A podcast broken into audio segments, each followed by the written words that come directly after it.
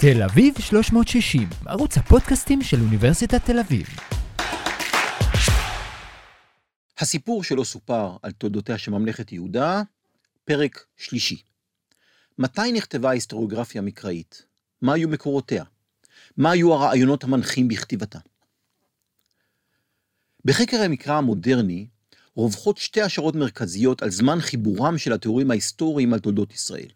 מרבית החוקרים, בעיקר באירופה, גורסים שהדברים נכתבו לאחר חורבן הבית הראשון, החל מימי הגלות והמשך בימי שיבת ציון והלאה, כחיבור שנועד לתאר את ההיסטוריה של עם ישראל ממעמד חורב, זהו הר סיני בספר דברים, ועד לגלות בבל, ולהסביר את החיים במציאות של הגולה.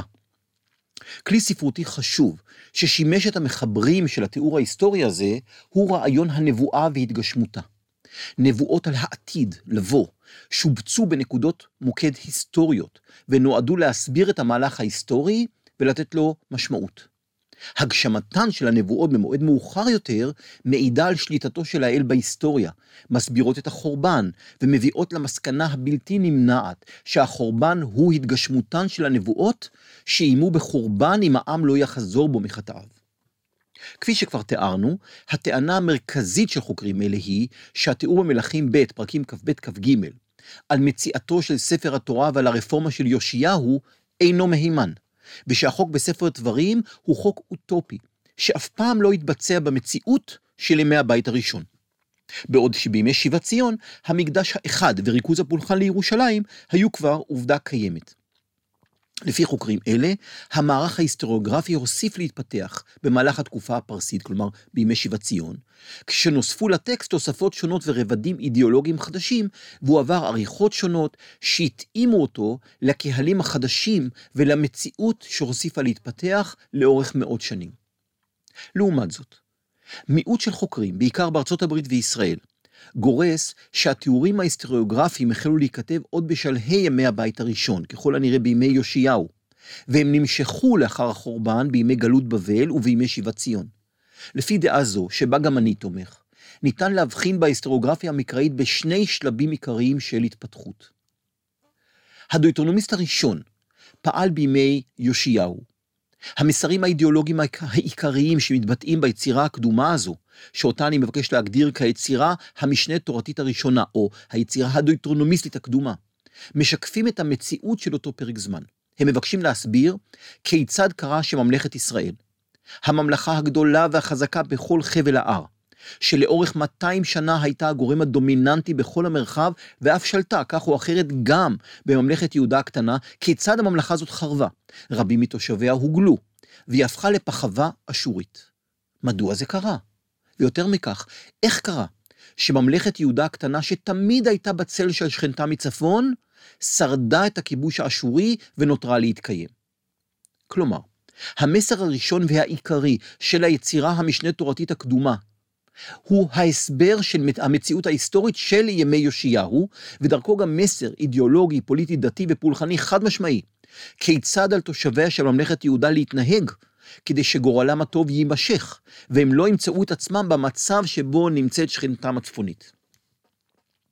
על רקע האירועים הרי הגורל המשמעותיים כמו חורבן ממלכת ישראל בשנת 722 לפני הספירה, ומסע סנחריב כנגד חזקיהו ויהודה בשנת 701 לפני הספירה, התפתחה ביהודה הבנה בדבר ההסבר למציאות ההיסטורית של מאה השנים האחרונות בתולדות העם.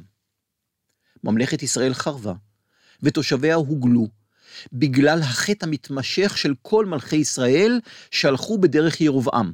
הם קיימו פולחן לאדוני אלוהי ישראל במקדשים בדן ובבית אל, שני המקדשים שהוקמו לפי התיאור ההיסטוריוגרפי בספר מלכים בידי ירבעם, המלך הראשון שמלך בישראל, וקיומם, לפי התיאורים הללו, נמשך לכל אורך ימי קיומה של הממלכה, בלי שמלכי ישראל הבינו שאלה הם מקומות פולחן שאינם לגיטימיים, ולכן הם נענשו על ידי האל.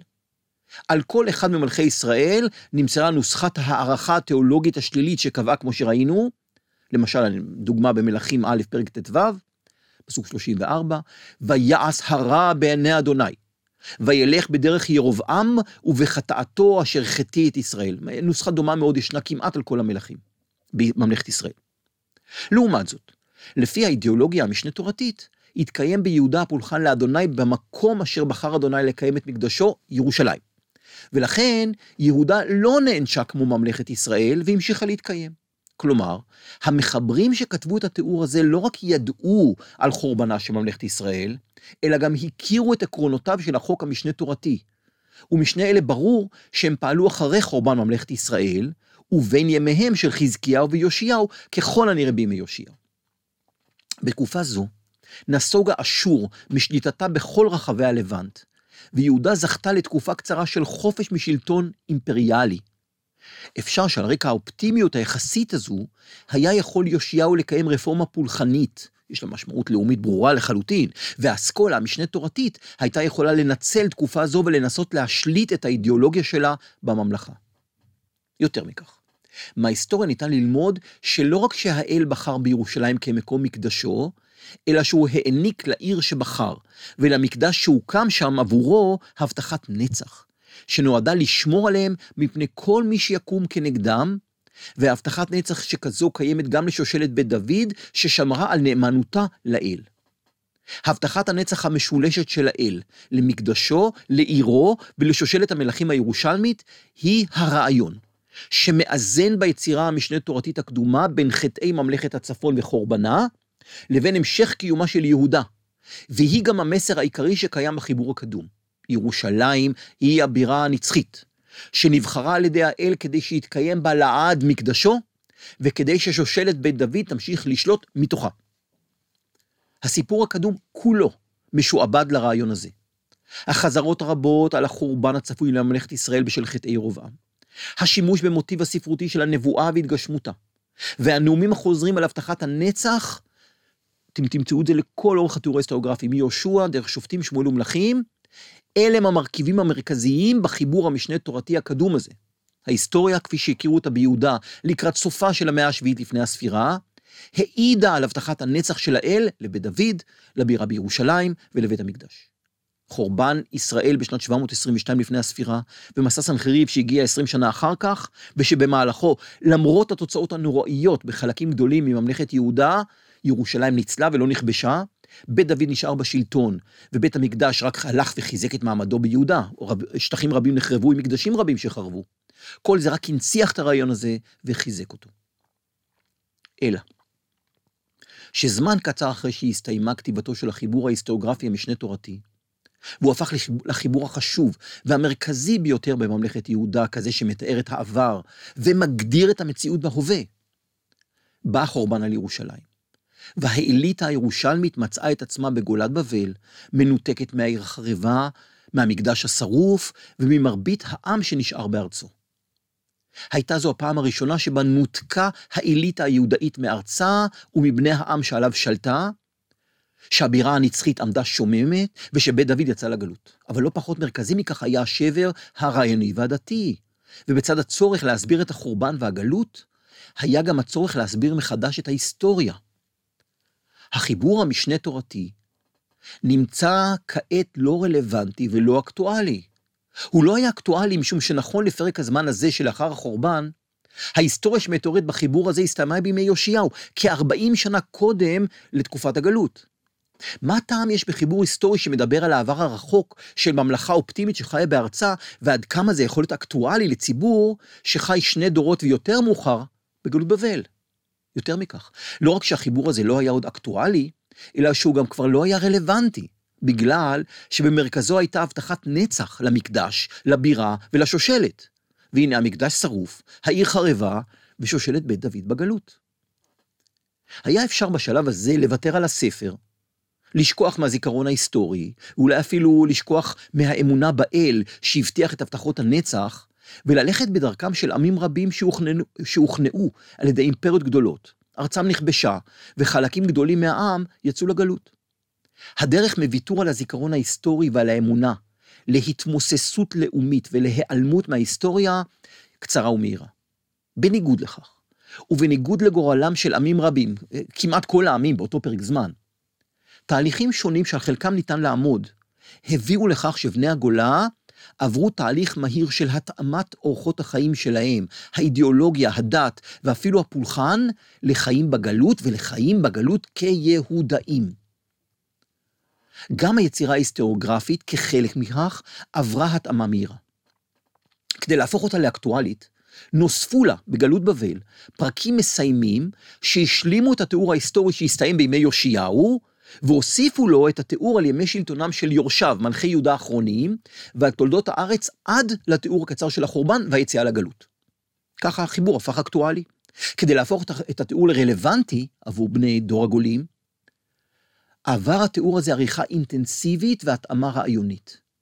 התיאור על ימי מנשה עוקר מכל תוכן היסטורי, וזאת פרט להאשמתו הישירה בחורבן, והקביעה שהחורבן בא בסופו של דבר בגלל חטאיו. בנוסף לכך, בכל מקום שבו נמצאה בתיאור הקדום הבטחת הנצח לבית המקדש, לירושלים ולבית דוד, נוספו משפטי תנאי שקובעים שהבטחת הנצח תתקיים רק אם ילך העם בדרכיו של האל ויציית למצוותיו.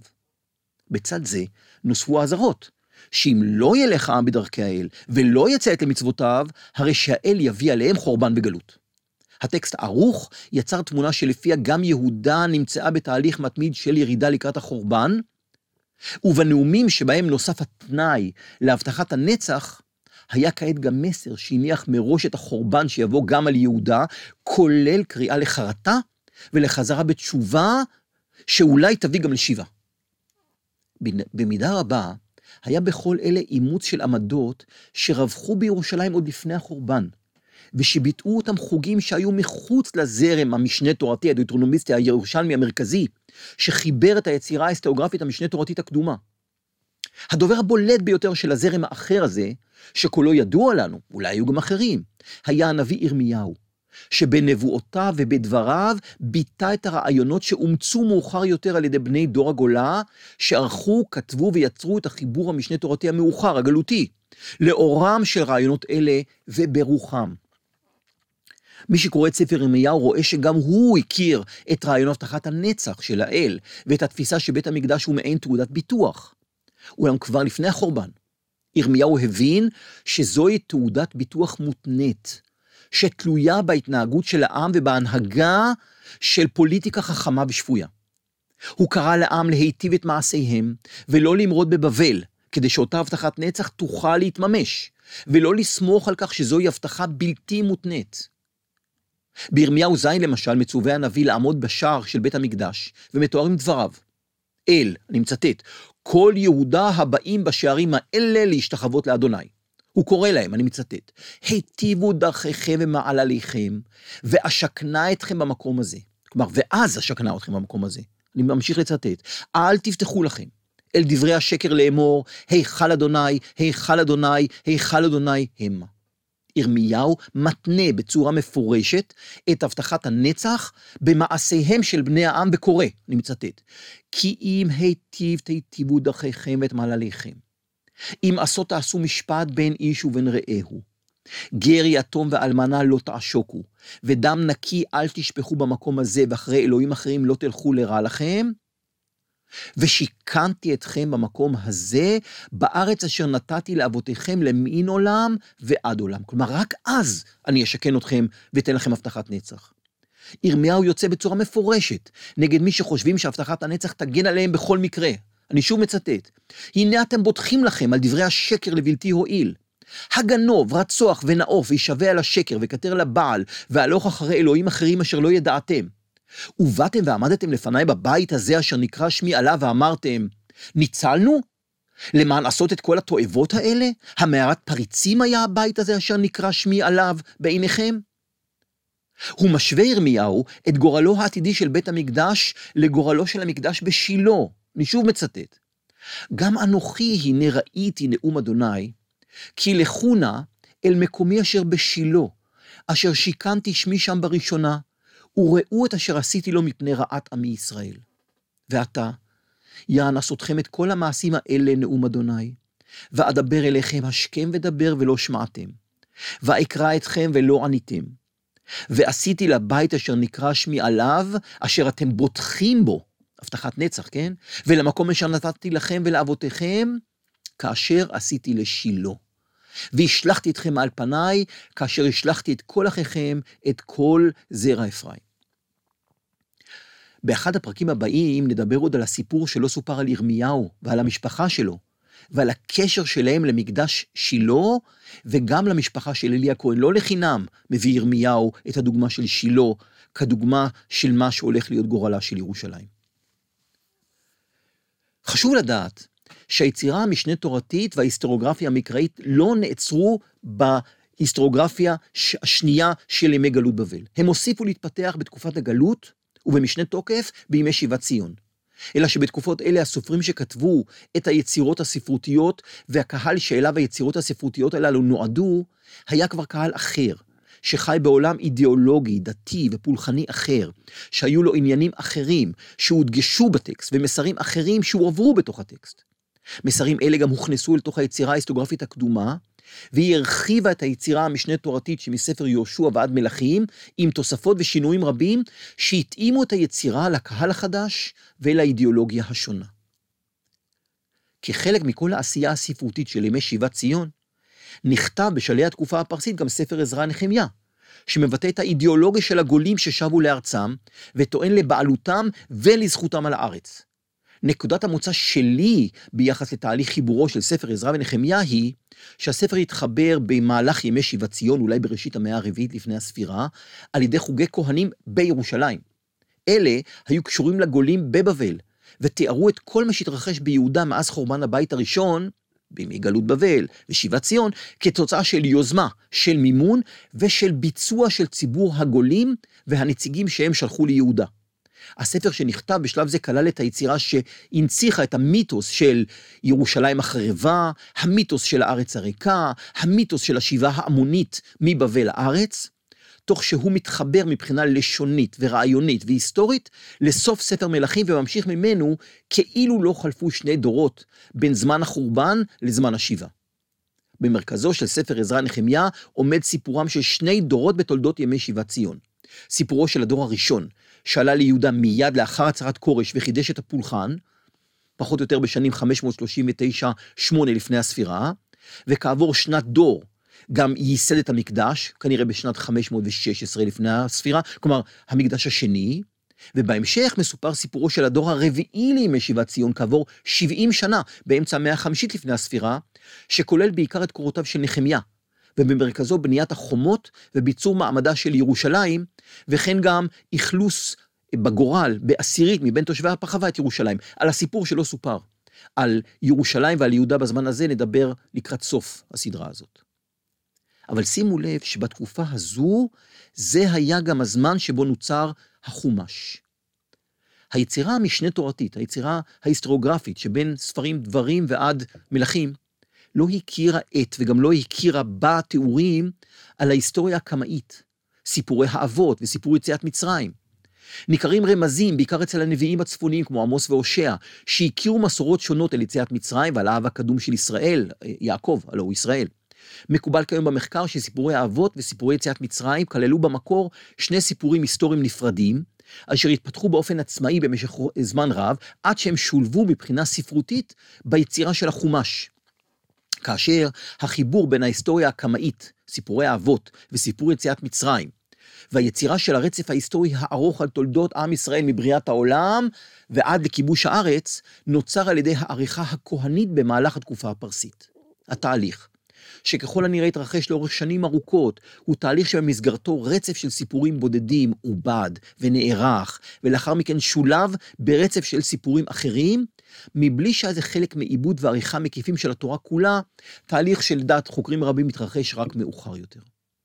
אני מספר לכם את כל זה כי ישנם קווים מקבילים רבים בין תהליכי ההתפתחות של החומש לבין תהליכי ההתפתחות של ספר עזרא ונחמיה. מקובל על חוקרים רבים ששני אוספי החיבורים הללו נכתבו ונערכו ברובם בתקופה הפרסית, על ידי חוגים מצומצמים של כהנים, אולי אפילו בחלק מהשלבים על ידי אותם כהנים עצמם.